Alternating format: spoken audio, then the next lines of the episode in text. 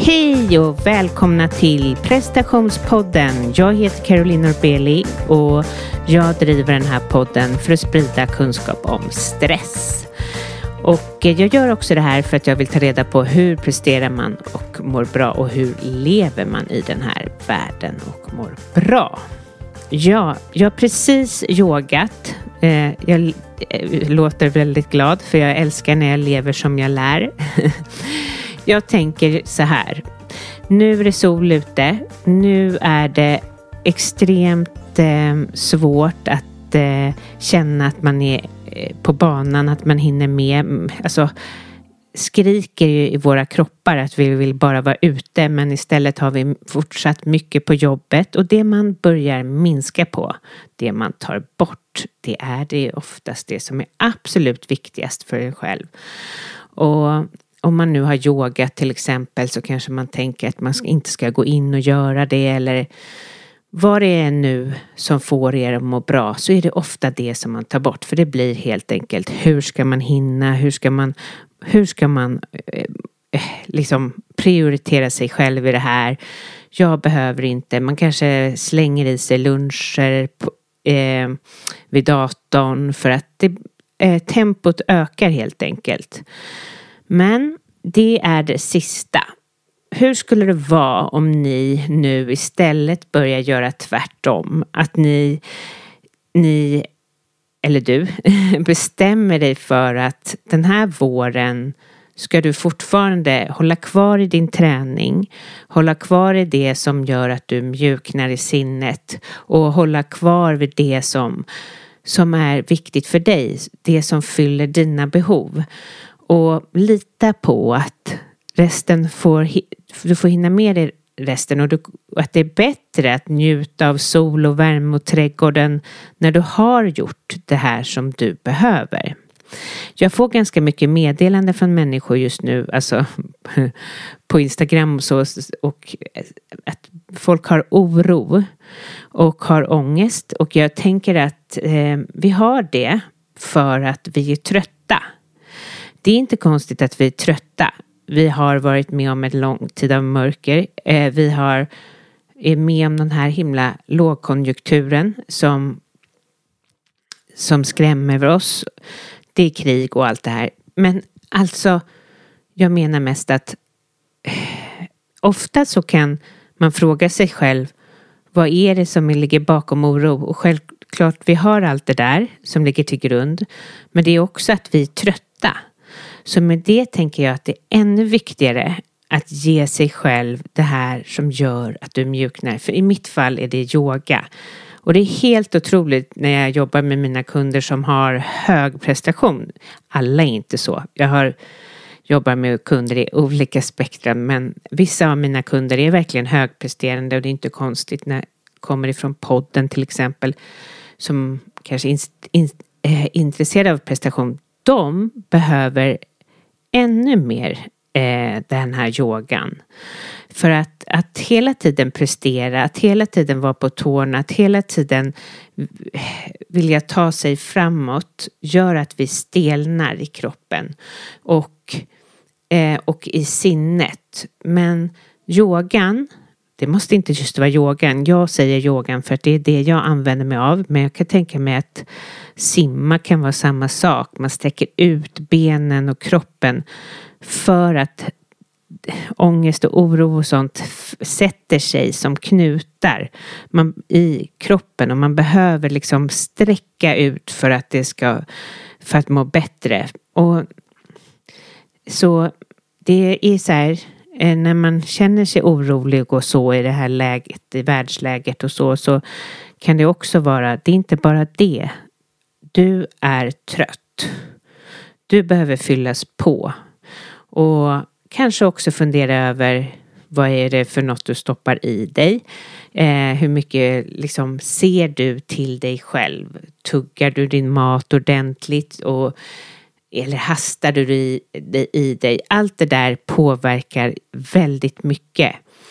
Så ja, eh, det jag vill bara säga är att håll fast vid era rutiner även när solen skiner för att det blir väldigt mycket och det blir väldigt intensivt och solen är också intensiv. Och jag menar, har du en utmattning i bagaget, är det påfrestande för dig?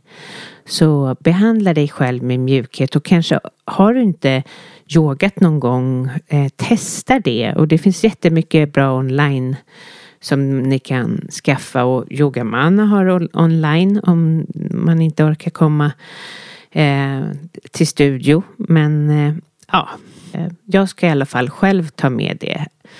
Vad kan jag ge mig själv för att orka med den här våren? Det låter ju helt sjukt, som även det ska vara ett problem. Men jag tror att ni fattar vad jag menar. Ja, eh, 9 juni fyller prestationspodden eh, sju år. och eh, jag har lite tankar på hur jag ska förändra podden, eller inte förändra, så det ska vara samma samtal. Men jag funderar över om det skulle kunna vara möjligt att fördjupa podden lite, att jag hade så här intervjuar folk i sjok. Till exempel en utmattad, en doktor eh, som pratar om utmattning och en kanske lite mer spirituell alternativ person som pratar. Så man får tre veckors helhetsbild över det här. Nu är det ju väldigt så här, åh här, nu kommer en och där kommer en. Och det är ju härligt. Men jag vet inte ens om det är möjligt att jag ska kunna få till det. Jag menar man ska boka upp folk och så. Men ja, jag funderar överhuvudtaget på min höst. Ehm, jag tycker ju det är väldigt spännande med höst och jag känner att det ligger massa förändring i mitt liv. Eller jag vet att det kommer göra det. Och jag älskar ju podden men jag tänkte jag kanske kan ta det ett, ett steg längre helt enkelt. Ehm, för att eh, göra den ännu bättre. Och om det är så att du lyssnar ofta varje vecka och har något tips till mig så här, men du borde göra på det här sättet så är jag jättetacksam om du går in på Caroline att, nej, Caroline Norbeli coaching på Instagram eller caroline.prestationspodden.se Sen förstår jag att ni har annat för er än att hålla på se till mig med mail. Men jag skulle uppskatta det jättemycket och då kanske ni får en ännu bättre podd att lyssna till. Eh, sen eh, eh, ja, så det brukar jag ju alltid säga i slutet, men det är jätteviktigt. Om ni vill att podden ska fortsätta, sprid podden. Sprid podden. Och vill ni göra det så anonymt som det går så är det bäst att gå in på er app och bara skriva in eh, vad ni tycker om podden. För det, det, är liksom, ja, det är någonting med algoritmerna. och eh, jag ja, uppskattar alla som sprider på Instagram. Det är helt fantastiskt. Eh, ni som gör det. Tack och alla ni som skriver till mig varje vecka. Ni håller ju mig flytande. Ja, då blir jag så glad. Eh, så då får jag så mycket energi så det är så härligt. Tack, tack, tack. Jag har två platser kvar i min coaching och jag vill bara säga det att många av många som går hos mig får ju hjälp och stöd ifrån ekonomiskt ifrån sin eh, arbetsgivare. Så är du intresserad av det ska du ju fråga först din arbetsgivare eller överhuvudtaget när du tar hjälp på något sätt. Men och den här gången så tänkte jag inte berätta om vad jag kan i min coaching, coaching utan jag tänkte berätta eller läsa upp vad en kund tycker om mig helt enkelt. En recension. Caroline har varit ett ovärderligt stöd i min resa att våga ta mig an nya utmaningar i livet. Och dessutom att börja se med nya ögon på vad prestation innebär. Hon har en otrolig förmåga att sätta fingret på vad som hindrat mig att våga tidigare och hur man kan tänka annorlunda för att må bättre. Hon har dessutom en behaglig och mjuk framtoning vilket gör det enkelt att prata och öppna upp sig för henne. Jag kan varmt rekommendera Caroline som coach. Så, eh, jag eh, har som sagt då platser kvar. Är du intresserad, gå in på carolinorbeli.com och jag eh, kontaktar dig tillbaka så bokar vi 30 minuters samtal som är kostnadsfritt för att du ska veta om jag passar dig. Jag har skapat en kurs i att skapa förändring och minska stress.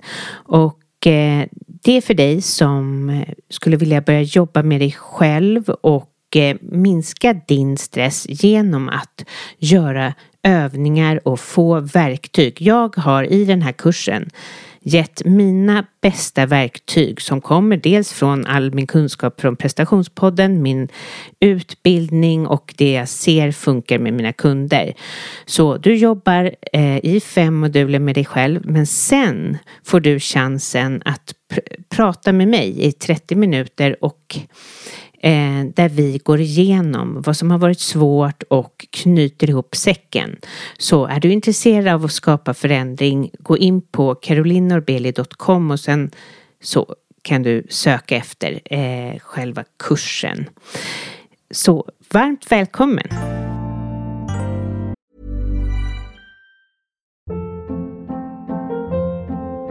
Hold up. What was that? Boring. No flavor. That was as bad as those leftovers you ate all week. Kiki Palmer here, and it's time to say hello to something fresh and guilt-free. Hello Fresh. Jazz up dinner with pecan-crusted chicken or garlic butter shrimp scampi. Now that's music to my mouth. Hello Fresh. Let's get this dinner party started. Discover all the delicious possibilities at hellofresh.com. Hey, it's Ryan Reynolds, and I'm here with Keith, co star of my upcoming film, If, only in theaters, May 17th. Do you want to tell people the big news?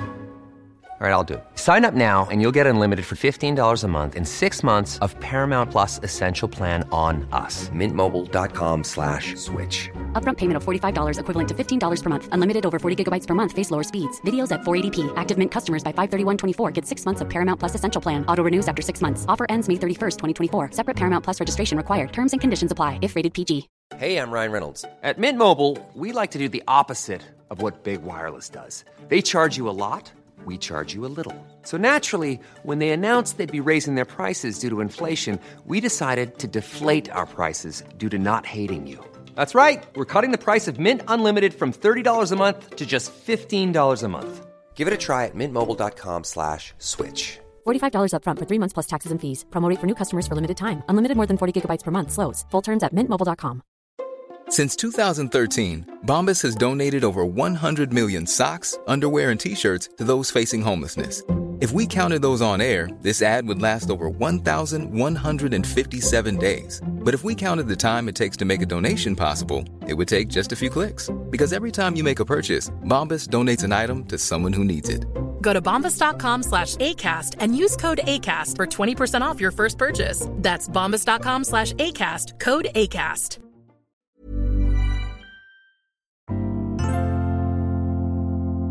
I det här avsnittet eh, har jag intervjuat Lotta Borg Skoglund för andra gången. Fantastiskt att ha med henne här igen. Och avsnittet handlar om ADHD och huruvida det kan ligga till grund till utmattning och dessutom så pratar vi om hennes senaste forskning kring kvinnor och hormoner. Så lyssna till Lotta Borg Skoglund.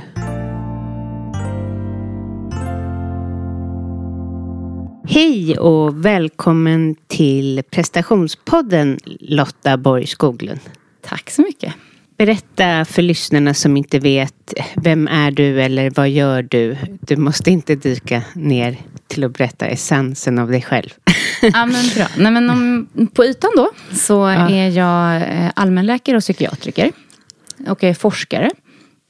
Jag har specialiserat mig på, liksom inom psykiatri på ADHD, autism och andra neuropsykiatriska funktionsnedsättningar genom hela livet. Och eh, i min forskning specialiserat mig särskilt då mot flickor och kvinnors utmaningar.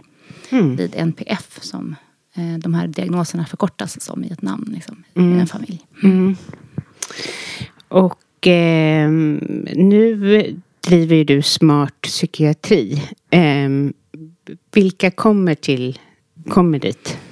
Men smart psykiatri har vi drivit. Jag grundade tillsammans med Martin Hammarström, min kompanjon. Vi eh, grundade eh, smart psykiatri för fem år sedan. Och sen dess har vi växt och nu finns vi i Stockholm och i Västra Götalandsregionen och eh, även på uppdrag i andra delar av landet. Mm. Nej, men till oss kommer man antingen via remiss, eh, via sin region. Eller så kommer man själv privat. Och vi tar emot barn och ungdomar och vuxna i alla åldrar. Mm. Hur kommer det sig att du om vi blir lite mer personliga, valde det här yrket som du har?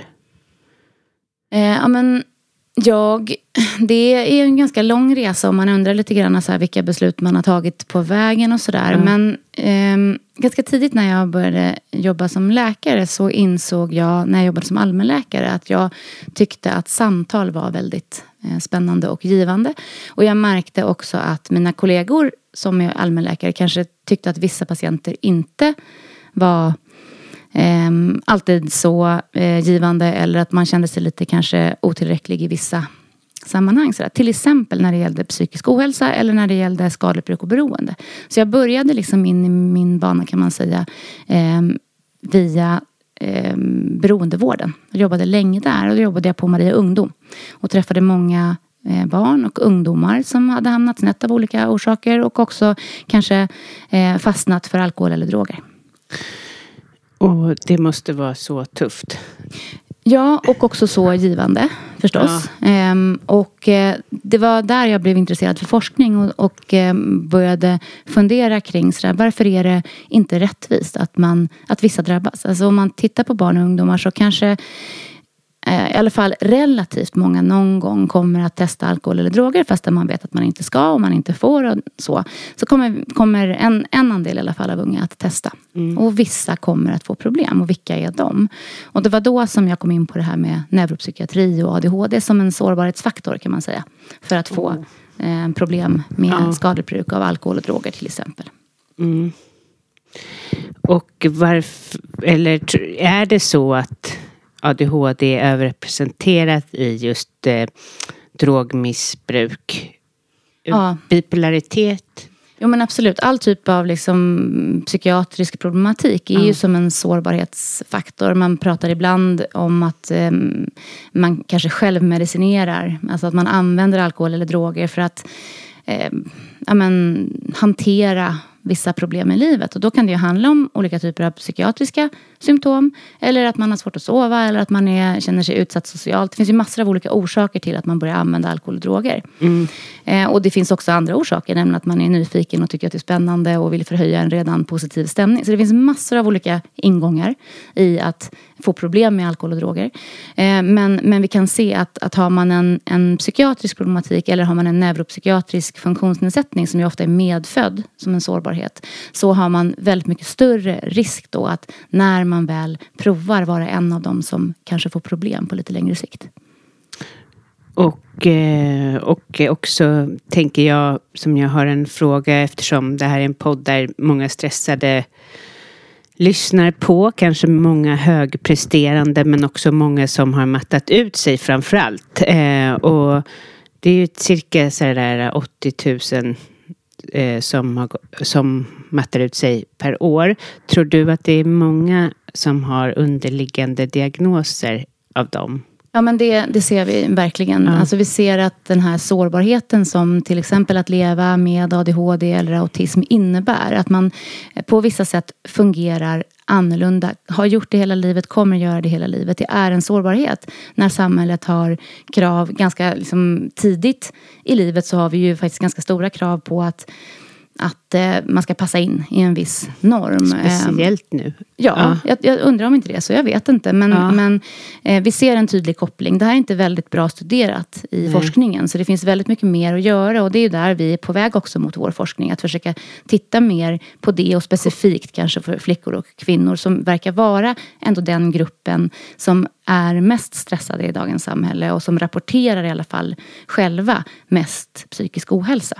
Så där är ju en grupp som, som vi eh, tänker är särskilt sårbara, kanske bara för att man är flicka eller kvinna. Och har man dessutom eh, en neuropsykiatrisk funktionsnedsättning som ADD eller ADHD eller autism så tänker man att de har man ytterligare en sårbarhetsfaktor. Ja. Och du skrev ju en jättebra bok om det, Duktig mm. flicka. Mm. Eh, berätta igen, för du har ju varit i podden och då pratade vi nästan bara om den. Mm. Eh, och vi har lite andra mm. ämnen idag. Men eh, vad, var det av den anledningen du skrev den här boken? Ja, det var det ju. För det var ju alla de berättelserna som jag fick höra av flickor och kvinnor som kom till vår mottagning och berättade om sitt liv. Och att man, som jag tyckte att det kändes som att det fanns en gemensam nämnare i så många av deras berättelser. Eh, nästan alla sa jag har alltid känt att det är någonting annorlunda med mig. Eh, jag har alltid känt att jag har fått jobba så himla hårt, lägga så mycket energi på att bara försöka vara normal. Eh, och jag har känt att jag har ägnat så mycket tid åt att dölja vem jag är och de sakerna jag kämpar med för omgivningen för att inte behöva känna mig annorlunda utanför. Och det är klart att den energin hade man kunnat använda till något helt annat. Och det är också en, ett genomgående tema hos så många av de flickorna och kvinnorna som drabbas av utmattning som jag träffar. Att man har försökt så länge att dölja den här livshemligheten. Att min hjärna fungerar lite annorlunda. Eh, och det är någonting som vi människor, tror jag, eh, ganska automatiskt går till. Att är jag annorlunda, då är jag kanske också fel. Eller då är jag defekt. Och så kämpar man jätte, jätte, jättemycket med att um, ja, men passa in, eh, jobba i kapp. Eh, och många av de kvinnorna som jag träffar som har drabbats av utmattning har ju, där står ju omgivningen ganska ofta runt omkring och säger men hallå, vi har ju inte ställt några andra krav på henne än på några andra medarbetare. Eller, hon verkar ju aldrig liksom ha sagt någonting om att hon tyckte att det här var jobbigt och så plötsligt så bara kommer hon inte till jobbet en dag för att hon är utmattad. Och när man, när man liksom pratar bakom och frågar bakom, då ser man ju att det här kommer inte alls som en blixt från en klar himmel en dag. Utan man har jobbat i kapp på tid när andra inte har sett. Det har varit på bekostnad av ens egen återhämtning kanske. Ja, ja. Ehm, precis. Och det, det, det tror jag, vare sig man har en diagnos eller inte, för att um, man kan ju känna sig annorlunda på många sätt och vis. Mm. Och en sak som man döljer, uh, men ännu mer då självklart om man har ADHD, speciellt om den är väldigt tydlig. Men mm. um, att dölja vem man är, det tar ju extremt mycket energi. Mm. mm. Och när man då får sin diagnos, eh, hjälper det? Brukar, brukar eh, brukar de liksom våga mer stå i vem de är? Mm. Jag tycker det. Jag och ehm, eh, Martina Nelson som är verksamhetschef på mm. Smart Psykiatri, vi skrev ju nästa bok tillsammans. Eh, som, eller vår senaste bok som heter ADHD på jobbet. Mm. Och där har vi försökt att beskriva just Ehm, de här delarna av vad händer om vi har ett samhälle där man faktiskt kan stå upp för den man är. Att man vågar berätta hur man själv fungerar. Eh, när man fungerar som bäst och när man är som mest utmanad. Och om omgivningen har en, en kunskap om att alla människor funkar olika. Eh, och att när man har en diagnos så kan man behöva eh, vissa typer av stöd utan att för den delen vara särskilt funktionsnedsatt på något annat sätt. Så att många är ju rädda för att berätta för att om man berättar att man har eh, en diagnos så blir omgivningens reaktion att då klarar man kanske inte av någonting. Eh, och då hamnar man ju i ett sämre läge på, eh, liksom i sin arbetssituation. Att man kanske inte får de jobben man egentligen skulle kunna ha fått. Man blir inte erbjuden dem. Eller eh, det tas bort arbetsuppgifter som egentligen är väldigt stimulerande och viktiga för en. För att omgivningen missförstår eh, vad man egentligen har utmaningar med och vad man egentligen behöver stöd med. Så det är superviktigt tycker jag med en, en ökad kunskapsnivå i hela samhället om vad är de här diagnoserna för någonting? Vad innebär de? För liksom generellt, vad vet vi om dem? Men vad innebär de för den här specifika individen? För alla har ju sin egen unika ADHD-profil eller autismprofil. Det går liksom inte att säga så här, på den här arbetsplatsen så kan vi allt om ADHD eller så här kan vi allt om autism. Eh, då kommer man att gå fel. Man behöver förstå vad ADHD och autism handlar om i grunden och sen måste man förstå att varje människa är unik. Mm, ja, ja, jag förstår. Men det är ju, ja, varför ökar diagnoserna? Det finns det nog väldigt många olika eh, orsaker till. Eh, den första och största och kanske viktigaste är nog att vi eh, kan mer om det här och vi förstår att de här diagnoserna finns även hos vuxna. Ehm, det är en viktig orsak till att vi hittar fler mm. Som är i behov av de här diagnoserna och ehm, som kan få stöd och insatser om man får en diagnos. Sen är det också så här att de här diagnoserna oftast inte växer bort.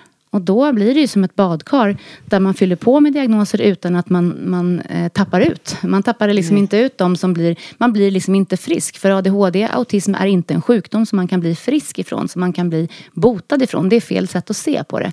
Däremot så kan man få en diagnos och leva väldigt, väldigt gott hela livet. Men man kommer ju ändå ha med sig sin diagnos. Så den kommer ju ändå räknas i statistiken i att det blir fler och fler och fler som har de här diagnoserna. Jag tycker det är ganska naturligt och självklart egentligen. Mm. Eh, så det är ytterligare en orsak. Sen eh, är det kanske en orsak också som man tittar eh, mycket på nu över tid sådär. Om vi har glider någonting på diagnoskriterierna. Att det krävs färre symptom idag för att få en ADHD-diagnos. Eh, och sen finns det ytterligare andra förklaringsmodeller. Så att det kanske är så att vårt samhälle kräver så pass mycket. Att skolan idag kräver så pass mycket av 12-åringar eller av 16-åringar. Att det är så pass många som i normala fall eller i en annan typ av skolform eh, hade klarat sig. Men, men givet de kraven som är på barn idag så har man för mycket eh, ouppmärksamhet. Man har för svårt att koncentrera sig, man har för svårt att sitta still under den tiden som krävs. Man har för svårt att självständigt planera sin skoldag eh, och, och eh, driva sitt arbete självständigt framåt. Och det eh, tror jag också att man behöver lyfta och tänka kring. Att de här diagnoserna de existerar aldrig i ett vakuum. De kommer alltid att behöva förhålla sig till den miljö, den samtid som vi lever i. Ja, verkligen.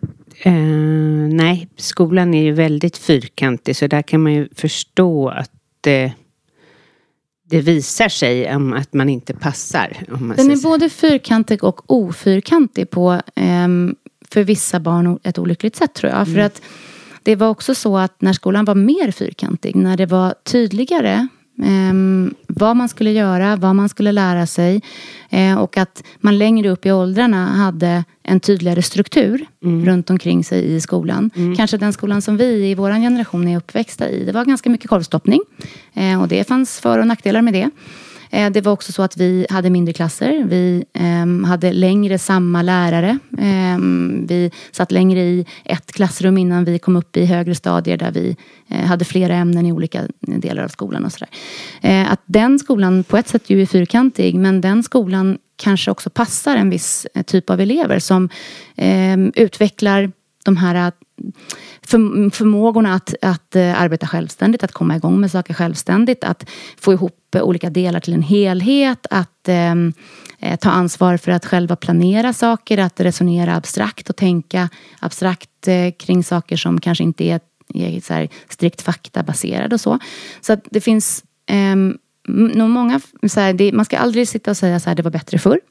Men det fanns nog saker förr som, som också gjorde eh, skolan lättare för eh, barn och unga med MPF. Sen finns det mycket i dagens skola som är väldigt mycket bättre för de här barnen. Mycket större kunskap, mycket större eh, förståelse, mycket fler anpassningar som vi kan ge. Så det är liksom, ja det är lite både och tror jag. Eh, man kan ju känna lite så här, är det också samhället i sig alltså som har blivit tuffare, inte bara skolan utan ja, jag vet inte men ja men det här med eh, all den här skärmtiden till exempel. Mm. Och att, alltså det mm. finns ju utmaningar i det, att mm. sitta och stirra på en sån. Mm. Alltså jag tror, precis som skolan, så är det här med samhällets krav och, och så. Det är en alldeles för stor fråga för att bara försöka hitta en enkel lösning mm. på. Där tror jag också så här, vi har nog aldrig haft det så bra som vi har det idag rent liksom levnadsstandardsmässigt och eh, förutsättningar och möjligheter. Men jag tror också att vi människor idag upplever en annan typ av stress eh, som kanske är relaterat till den här snabba digitala utvecklingen. Eh, till att vi, vi har en, en möjlighet att jämföra oss med så många andra eh, baserat på vad andra människor väljer att presentera i sina sociala medier till exempel. Att vi har eh, ett arbetsliv som kanske är mer likriktat och kräver liksom mera samma sak. Eh, och det är svårare kanske att hitta sin roll om man, inte, om man är eh, lite eh, annorlunda eller, eller eh, tänker eller, eller fungerar lite annorlunda. Så det, jag tror att det är återigen så här, man måste hålla båda de här sakerna i huvudet samtidigt. Att det både har blivit bättre och kanske mer utmanande eh, på andra eh, områden. One size fits all seems like a good idea for clothes until you try them on. Same goes for healthcare. That's why United Healthcare offers flexible, budget friendly coverage for medical, vision, dental, and more. Learn more at uh1.com. Mother's Day is around the corner. Find the perfect gift for the mom in your life with a stunning piece of jewelry from Blue Nile. From timeless pearls to dazzling gemstones, Blue Nile has something she'll adore. Need it fast? Most items can ship overnight. Plus, enjoy guaranteed free shipping and returns. Don't miss our special Mother's Day deals. Save big on the season's most beautiful trends. For a limited time, get up to 50% off by going to Bluenile.com. That's Bluenile.com. Ever catch yourself eating the same flavorless dinner three days in a row? Dreaming of something better? Well, HelloFresh is your guilt free dream come true, baby. It's me, Gigi Palmer. Let's wake up those taste buds with hot, juicy pecan crusted chicken or garlic butter shrimp scampi. Mm. Hello Fresh. Stop dreaming of all the delicious possibilities and dig in at HelloFresh.com. Let's get this dinner party started.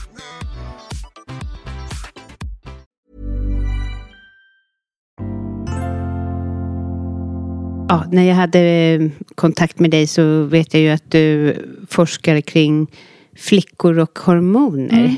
Berätta kring det. Mm. Det är ett jättespännande område därför att det är så väldigt lite gjort. Om mm.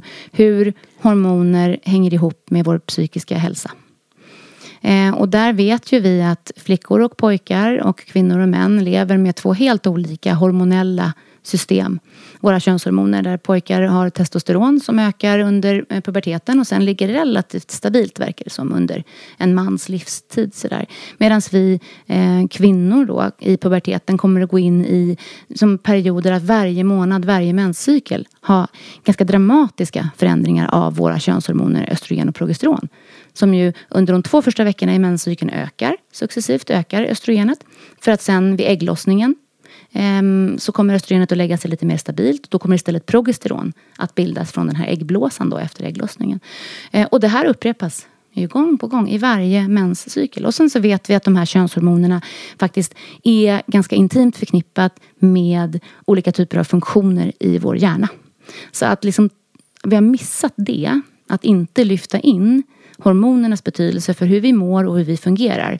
Det är ehm, ja, det kan man nästan bara stå och klia sig i huvudet över och tänka att det har tagit så lång tid. För det här förstod ju mina kollegor som till exempel jobbar med hjärtkärl och hjärtinfarkter och sådär. Det, det förstod ju de för 25-30 år sedan att om vi bedömer eh, hjärtinfarkt på samma sätt hos män och kvinnor så kommer vi att skicka hem en massa kvinnor från akutmottagningen som kommer dö av hjärtinfarkt hemma för vi missade det. För vi frågade efter symptom som är vanliga hos män. Men vi har liksom inte lyft det utan Eh, vi har parallellt med att vi har sett att det är en ökad sårbarhet för flickor och kvinnor att drabbas av psykisk ohälsa, utmattning, depression och ångest. Mm. Det har vi vetat så länge. Och vi har ändå inte frågat oss, skulle det kunna hänga ihop med eh, några biologiska faktorer? Alltså att vi faktiskt har eh, men medfödd både sårbarhet men också motståndskraft inbyggt i våra system. Det är ju superviktigt, tänker vi då i vår forskargrupp och mm. vill ju väldigt gärna lyfta det. Och då har ju vi valt ADHD och autism som exempel därför att östrogen, dopamin, som, där dopamin är den signalsubstansen som man vet mest om när det kommer till ADHD. Mm. Det är det som eh, vi, vi vet är svårare att reglera när man har ADHD och det är också det som vi vet att ADHD-läkemedel påverkar och att det är därför de kan vara väldigt effektiva.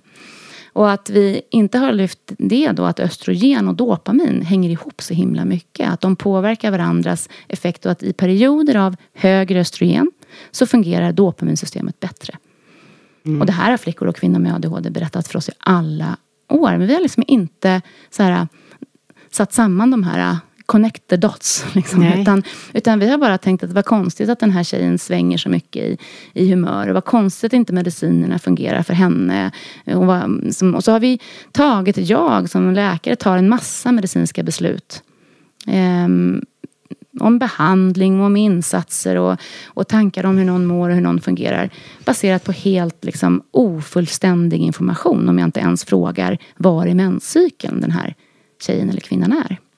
Precis. Ja, jag mår extremt olika mm. hela tiden. Ja. Alltså, det är så skönt ja. att tracka den. Ja, ja, eller hur. Och det är, det är så um, lätt egentligen. Men sen är det också så svårt. Och jag, sen, sen de här fyra, fem åren som, som vi i vår forskargrupp har hållit på med det här så blir man ju väldigt liksom, man blir väldigt uppmärksam på alla de gångerna jag själv glömmer att fråga om den här informationen. Och de gångerna jag frågar och eh, de flickorna och kvinnorna som, som sitter mitt emot mig inte har den blekaste aning. Utan mm. den vanligaste historien tycker jag, som vi pratar om, det är ju att nu händer det igen. Att man inser först efteråt att nu har jag varit i en sån här period igen. Och, och det tror jag är djupt mänskligt att vi människor, vi har väldigt svårt att se oss själva utifrån. Man säger det, man ska inte vara sin egen doktor och man ska helst inte vara sina barns doktor heller. För det är så svårt att vara objektiv när man ska tänka kring hur man själv fungerar och hur man själv känner. Eh, så, att, så att det är ju såklart svårt och, och, och, ganska ofta som sagt så, så, hittar man ju sig själv. Jag är också extremt påverkad av mina hormoner genom livet sådär, ja. och det har gällt alla faser av mitt liv. Graviditet och förlossning och amning också. Och att Eh, jag kan vara så förundrad över att jag först i efterhand kan liksom lägga ihop den här bilden och bara, men det var ju därför. Och problemet är att det händer ju en hel del tokiga, dåliga saker kanske under de här perioderna som liksom får konsekvenser långt utanför de, de dagarna som eventuellt hormonerna har varit där och spökat. Hade jag bara vetat om det hade jag kunnat liksom skicka meddelande till mig själv i framtiden att men du Lotta, de här dagarna det verkar ju vara återkommande. Det är liksom inte en blixt från klar himmel. Det här är ganska förutsägbart. Att eh, de här dagarna kommer du vara sårbar. Då ska du nog vara lite extra rädd om dig själv. Ska du kanske välja att inte dricka alkohol eller kanske välja att inte ta ett utvecklingssamtal med chefen eller kanske eh, se till att du får sova lite extra eller eh, se till att du verkligen inte hoppar över träningen de dagarna. Eh, det hade ju hjälpt mig så vansinnigt mycket, tänker jag, genom mitt liv. Mm. Eh, och jag tror att det hade varit mycket lättare för mig att ta till mig det om jag själv hade fått säga det till mig själv än att någon annan kommer och säger, men du, har du mens eller? Mm, ja, för att det är, mm. så, det är känsligt också, de här frågorna. Att man liksom någonstans blir så pass påverkad av hormoner. Det är svårt att erkänna det eh, för sig själv och också, tycker jag, ta det från när andra ska ge en goda råd. Då. Så då i, tänker jag, av den här forskningen så eh, kan det bli så att man mer börjar ta in det som en del mm. när man undersöker ja. någon? Eller? Ja, det är, är ju för mig då helt och hållet självklart. Ja, när det är man liksom pratar om att, det så är det... Ja, men det är som att jag inte skulle ta in några andra delar av blodprover som jag tar eller eh, medicinsk information som jag får. Att jag bara helt skulle strunta i någon mm. del. Man måste ju mm. se hela människan. Och ett problem tror jag är att vi i sjukvården liksom har ju en tradition av att dela upp oss i stuprör. Det är liksom Gynekologerna har ju hand om det där med hormoner. Det har inte jag som psykiatriker något med att göra. Mm. Sådär. Och, och gynekologerna har inte så jättebra koll på, på liksom psykiatri. Och, och sen är det liksom, så finns det så många olika sådana här äh, stuprör där kvinnor eh, liksom inte fördelar sig i stuprören utan tvärs över alltihopa. Man är ju liksom en hel människa som har eh, som ett kroppssystem som är i kontakt med alla de här olika, eller flera kanske olika specialiteter. Och, och vår lösning på det i vår forskargrupp har ju varit att istället organisera oss så. Så att vi liksom täcker upp alla de kompetenserna och lär oss av varandra. Ja, så, så man ska kunna komma och liksom få hela... Ja. Precis, och då, då är vi gynekologer och så är vi förlossningsläkare och så är vi barnläkare och så är vi barnpsykiatriker och vuxenpsykiatriker, barnmorskor, sjuksköterskor. Då får man liksom, om man samlar sig runt omkring liksom en kvinnas eh, psykiska liv mm. eller, eller reproduktiva liv som ju det blir i en hormoncykel mm. så, så har vi ganska mycket vunnet och det är ju väldigt roligt också. Jag får ju lära mig väldigt mycket nytt av mina kollegor som kan något om hormoner som jag inte kunde för några år sedan. Nej men precis. Nej men verkligen. Och jag kan bara gå till mig själv att man vet ju inte vad man ska gå med sin PMS till exempel. Alltså, Nej. det är inte helt självklart. Och klimakteriet? Nej. Hur mycket vet vi om det? Nej, ingenting. Nej. Det var så roligt. Jag var på en 50-årsfest eh, för några veckor sedan. Och då var det en man som jag eh, stod och pratade med bara. Och så plötsligt sa han så här.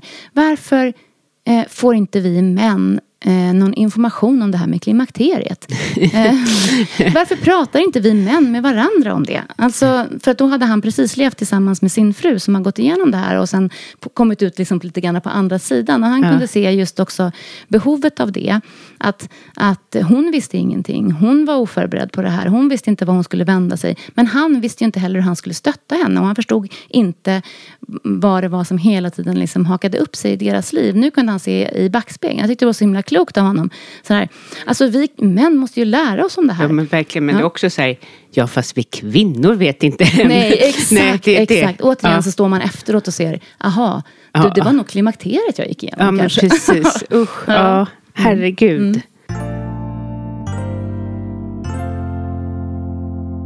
Kan man känna sig trygg med att eh, sjukvården ställer en rätt diagnos eller ingen diagnos? Tänker du kring eh, ADHD? ADHD? Ja. Eh, ja, men det tycker jag nog att man ska kunna känna sig trygg med.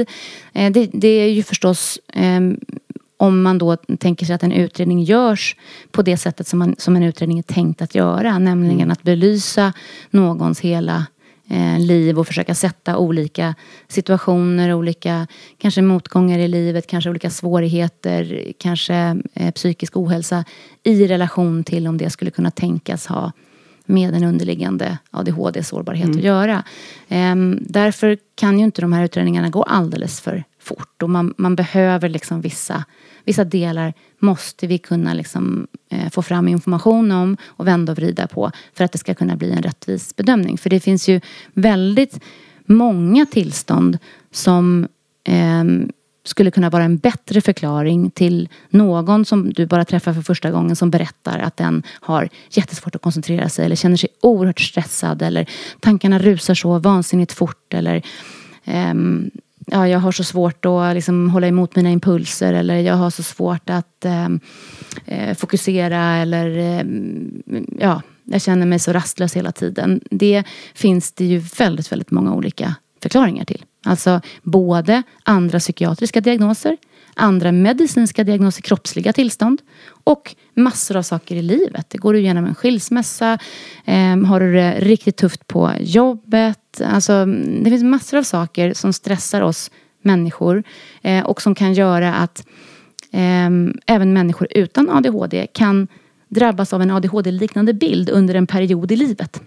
Så en utredning måste ju liksom titta bakåt och se, är det här ett genomgående mönster som är liksom konstant oavsett liksom vilken miljö den här personen har varit i, oavsett liksom vilka krav den här personen har haft på sig, oavsett liksom vilken ålder eller, eller så. Så man tittar ju på olika miljöer och man tittar på olika delar av livet och att det här ska vara funktionsnedsättande symptom av hyperaktivitet, ouppmärksamhet och eh, impulsivitet eh, över tid.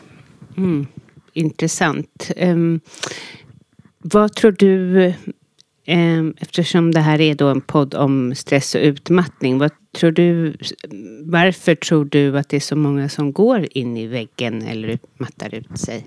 När man har ADHD? Nej, utan generellt, ute, vare sig. Mm. Eh, ja, gud vilken stor eh, fråga om man det visste. Eh, mhm. Tänker jag. Jag eh, ser ju det en del utifrån eh, ADHD-problematiken. Och det som jag tycker är viktigt med att lyfta den, det är ju att den faktiskt är ganska generell egentligen. Om man tänker sig att vi förstår hur ehm, ADHD-hjärnan fungerar, då kan vi också förstå mera om hur eh, vi alla fungerar. För att som vi sa, ADHD är ingen sjukdom. Det är en funktionsnedsättning. Det betyder att vissa av hjärnans funktioner fungerar eh, annorlunda. Eh, och om vi då tänker oss att vi alla finns på en normalfördelningskurva där vi alla har de här funktionerna. Vi har mer eller mindre av de här funktionerna. Så brukar jag tänka kring fyra olika domäner. Eh, jag har skapat en modell som jag kallar för 447 och som för mig är liksom ett sätt att koka ner vad är psykisk hälsa och också kanske hur kan vi förstå utmattning. Och den första fyran i den här modellen då, det är fyra faktorer som vi människor måste på något vis förhålla oss till om vi ska kunna prata om psykisk hälsa. Vad krävs för att vi människor, och då spelar det ingen roll om du har en diagnos eller inte. Vi människor, vi måste kunna eh, förstå och reglera våra känslor och kommunicera dem till omgivningen så att vi kan få våra behov tillgodosedda. Eh, vi behöver kunna tänka förnuftiga tankar in i framtiden. Eh, vi behöver kunna tänka om en framtid som ännu inte har hänt. Och liksom följa en, en plan i den framtiden. Vi måste kunna Eh, förstå och hantera och acceptera att de här planerna förändras. Att det finns en massa faktorer i livet som vi inte kan påverka. Och vi måste kunna ställa om då. Och, och sen måste vi kunna skapa goda och meningsfulla sociala relationer över tid. De fyra områdena behöver vi förhålla oss till. Och om man tittar då på ADHD-hjärnan. Då finns det fyra faktorer eller fyra områden av hjärnans funktioner. Som är särskilt sårbara. Eh, och som kan man nästan när man hör dem se att de är ett direkt hot mot de här fyra faktorerna för psykisk hälsa. Och då handlar det om hjärnans förmåga att överblicka. Alltså att få ihop en helhet. Att eh, strukturera, planera, prioritera, komma igång med saker och slutföra. Det är en, en del av hjärnans funktioner som vi alla behöver ha liksom, koll på. Nästa del av, av liksom hjärnan, och det brukar jag kalla för, för liksom hjärnans kontrolltorn. Nästa del, det är ju hjärnans volymknapp det är ju hur mycket man ska göra och känna av någonting. Så det handlar om att reglera energi, aktivitet, sömn och vakenhet, hunger och mättnad, känslor. Det måste man också kunna göra. Så. Och sen blir den tredje faktorn som hjärnan måste kunna göra för att må bra i, en, eh, liksom, i världen, det är att den måste kunna filtrera. Den måste kunna fungera som ett skydd mot all den informationen som vi bombarderas mot med hela tiden. Och kunna sortera ut det som är viktigt. Annars blir ju hjärnan helt och hållet upptagen med att processa och processa och processa massor av information som inte ens är värdefull för oss. Och vi blir jättetrötta och blir jätteosäkra på vad vi ska göra åt det. Så den filterfunktionen, och det gäller ju också kroppens egna signaler. Alltså allt det som kroppen skickar inifrån, gör det ont här, är det varmt här, är det kallt här, är det ljust eller mörkt här? All den informationen måste vi också kunna filtrera. Och sen handlar det om hjärnans reläfunktion, alltså att kunna skifta fokus. Att kunna sluta göra någonting när inte, när inte det här funkar längre. Eller eh, avrunda någonting som är jätteroligt för att påbörja något annat som är viktigare just nu. Eller sluta tänka negativa tankar. Det är en sån här eh, reläfunktion där eh, vi ser att man har svårare när man har ADHD. Att skifta. Så de här fyra områdena. Så det blir fyra, fyra och sen blir det sju och då är det sju livsstilsfaktorer. Som, som vi ser att på grund av att hjärnan funkar på det här sättet vid ADHD så har man mycket, mycket svårare än andra att få till rutiner i livet kring kost, motion, sömn, stress, alltså livsbalans, återhämtning och stress. Eh, substanser, alkohol och droger. Relationer blir svårare att få till. Och sin livsekonomi, alltså att planera ett hållbart liv. Och det är liksom sju faktorer som är jättetätt kopplade med hur vi mår och fungerar i vardagen. Så de här sakerna tänker jag hänger ihop på olika nivåer. Och det vi jobbar med mycket nu i vår forskargrupp det är att bygga en modell där man kan liksom ploppa in sig själv på de här 4, 4, 7 och se hur ser min profil ut? För jag tror liksom inte mer, på mer liksom så här one size fits all. Jag tror att det blir lite one size fits no one. När man försöker bygga allt för mycket ja. liksom såna här metoder och, och sånt som ska mm. funka för alla. Man måste först, tror jag, kartlägga sin egen unika profil. Och då tänker vi oss att den här modellen skulle kunna funka för att göra det. Och sen tittar man på de här utfallen då. Hur går det på de här sju livsstilsfaktorerna? Blir det bättre? Och vare sig man har ADHD eller inte så kan man ju eh, platsa ja eh, bland det här, eller det du har sagt. Eh, Precis. Inte vilja som, sluta, nej, tänka eller, eller negativa hur? tankar. Det är mm. inte... Eh, det är inte unikt, det är bara att det, det är ett mönster hos mm. personer med ADHD som de ofta haft med sig hela livet och inte mm. någonting som de drabbas av i speciellt stressade nej. situationer. Och lägger man sen då hormonerna ovanpå den här tårtan då, 447-tårtan med, mm. med tre lager. Och så lägger man liksom glasyren. Det blir hormonerna. Därför att de kommer att påverka alla de här fyra områdena för hur hjärnan funkar. Oh. Så du kommer ha lättare eller svårare att överblicka, reglera, eh, filtrera och skifta fokus beroende på var i din menscykel du är. Och det är jätteviktigt att ha koll på det. Mm. För då kan man, som, som vi pratade om tidigare, då kan man faktiskt skicka lite meddelande till sig själv om hur man ska ta hand om sig själv bättre. Absolut, man kan ha en sån här app, eh, Clue har jag. Det är Just det. jättehärligt. Precis. Då kan jag Precis säga så. så här, jag kommer mm. nog vara på ett himla dåligt humör mm. när vi ska åka bort. Ja. alltså, mm. alltså, bara så att alla vet. Ja. ja.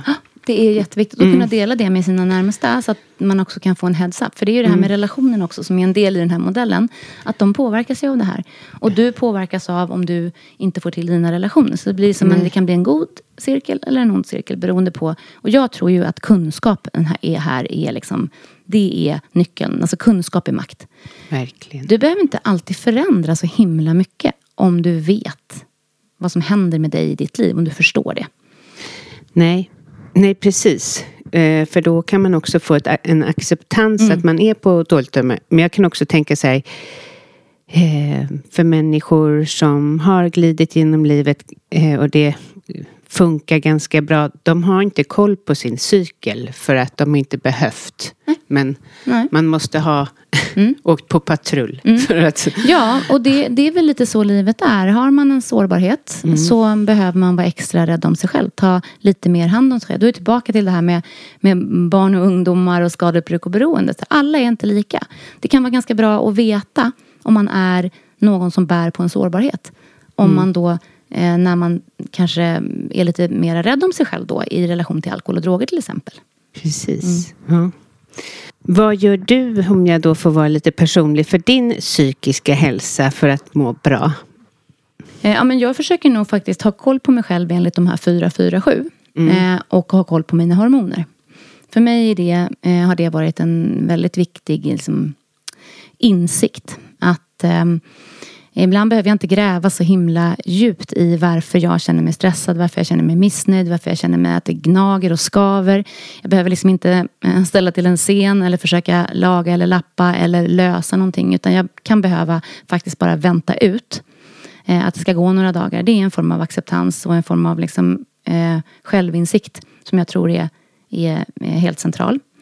Eh, så det försöker jag göra. Jag försöker att hålla koll Ehm, på det. Och sen försöker jag hålla koll på mina sju livsområden. Att jag har en balans i eh, kost och motion och sömn eh, och relationer och eh, avkoppling och stress. Jag är ju en person som gillar att jobba jättemycket. Jag har jätte, älskar att ha massor av bollar i luften och mm, liksom full kalender och så. Men vet också ganska väl när jag börjar närma mig min gräns för när det här inte känns kul och hur jag ska göra då för att hitta återhämtning. Så det tror jag.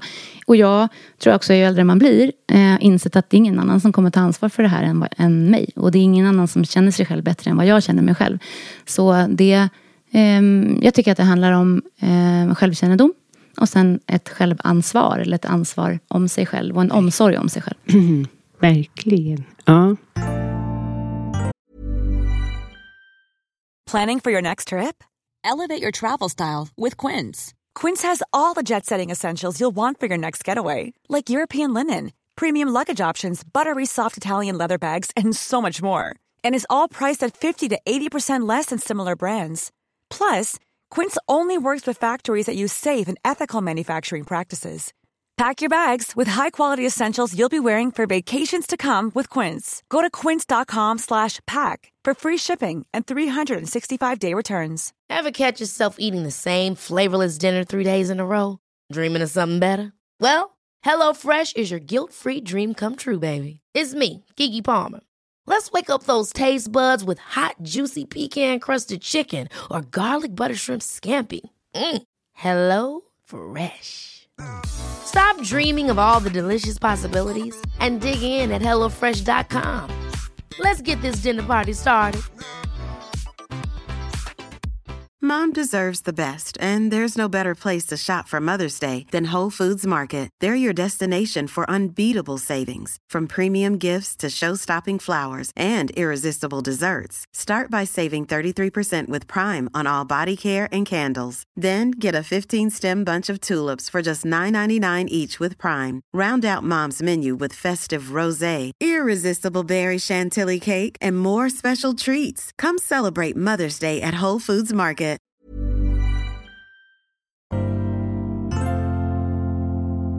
Vem tycker du att jag ska intervjua i podden?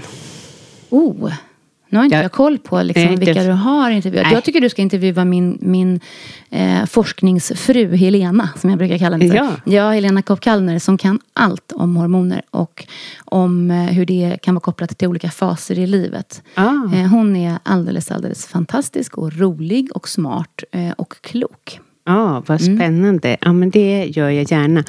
Men hur långt har ni kommit i forskningen förresten för att se framöver? Fortsätter ni forska? på- Jajamän, vi har bara börjat. Ehm, vi, vi, och det är det som är så roligt med den här typen av forskning. Att vi behöver göra ganska basal forskning. Vi behöver först ta reda på hur det är.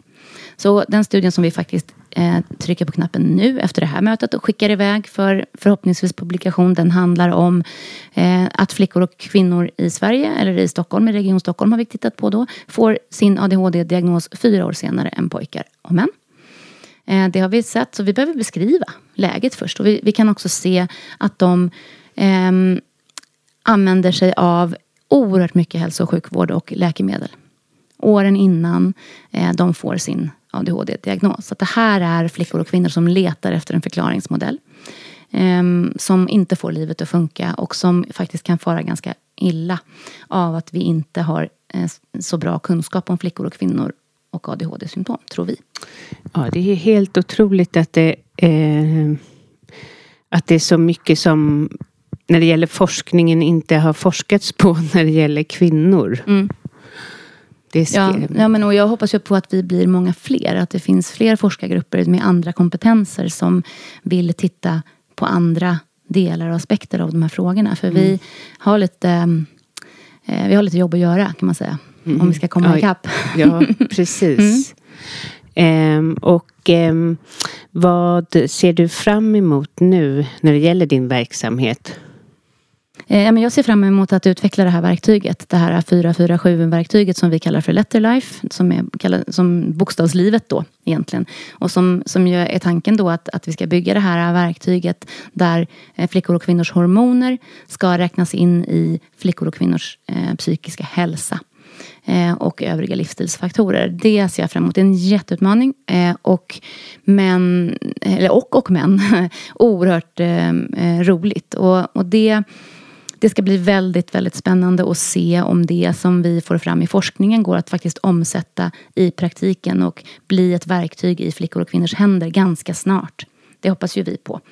och vi bygger det här tillsammans med våra, eh, alltså mina patienter och eh, patientorganisationerna. Så att det ska vara ett verktyg som verkligen är grundat i användarna.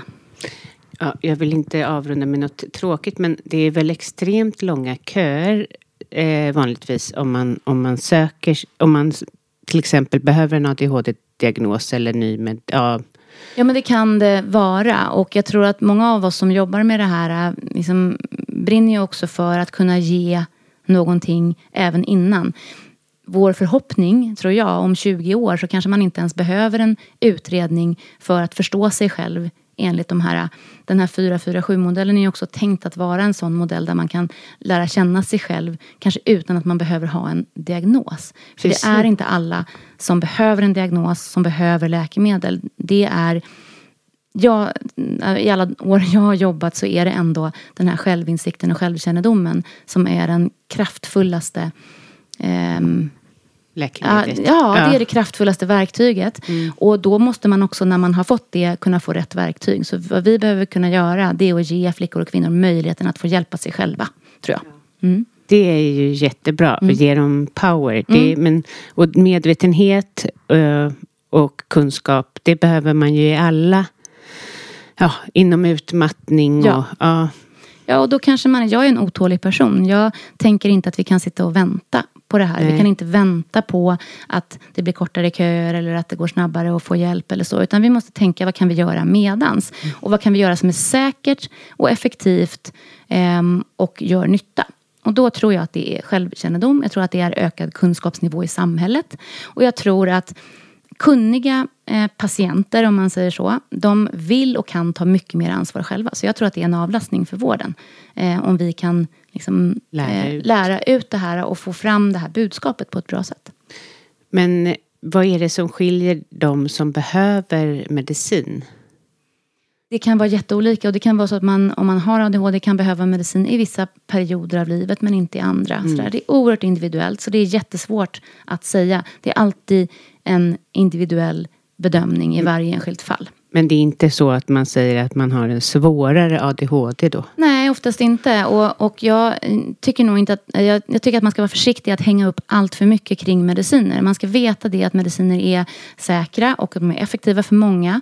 Men jag är tillbaka till att, att kunskapen om sig själv, hur ens egen hjärna funkar och hur man själv funkar i det här livet är det viktigaste. Och att ehm, många upplever att man gärna vill pröva medicin men att det är svårare eh, att få ehm, den här eh, enkla, snabba effekten ju äldre man är också. Så att man ska också vara förberedd på det, tycker jag. Att ehm, kunskapen är eh, den stora makten här. Och det är ingen annan som kommer att förändra världen eller mig själv. Utan det är där jag kan, ehm, det jag kan göra för att ta hand om mig själv bättre. Är det som eh, är det viktigaste, tror jag. Och när vi, eller liksom pratar om det här med att det är så otroligt konstigt att egentligen inte forskats med vi kvinnor och vi är väldigt sidosatta och så här. Ser du positivt på framtiden? Ja, väldigt. Och det har man sett, det är ju verkligen inte bara vi. Det har ju funnits massor av starka, eh, ofta kvinnor, som har drivit de här frågorna innan och som vi bara kunnat haka på i. Så att, ehm, och, och att jag ser också ett ehm, väldigt stort intresse. Ehm, Det är därför jag får komma hit och prata med dig idag. För att det finns ett intresse för de här frågorna. Det är därför jag får föreläsa. Det är därför jag får eh, skriva böcker och får forska på det här. Så att jag ser jättepositivt Ja, på det. gud vad bra. Mm. Mm. Tack snälla för att du kom hit. Och eh, om man nu vill komma i kontakt med dig eller din klinik, vad... Ja, då kan man gå in på www.smartpsykiatri.se eller på www.letterlife.se. Eh, eller så kan man söka upp mig på sociala medier. Eh, jag kan inte alltid svara personligt på alla meddelanden men jag försöker att i mina sociala ehm, kanaler som är Instagram, Lotta eh, Borg Skoglund eller eh, Facebook, Lotta Borg Skoglund eller LinkedIn, samma namn. Så ehm, försöker jag lägga ut när jag ser bra forskning och lite grann om det vi gör och lite tankar. Och jag ska bli bättre på det. Och så delar jag såna här poddar förstås när de Fast du kommer ut. har nog en del att stå i. Ja. ja. Tack snälla. Tack för att jag fick komma. Tack snälla till dig som lyssnar. Ha en underbar vecka. Njut av solen men kom ihåg dig själv.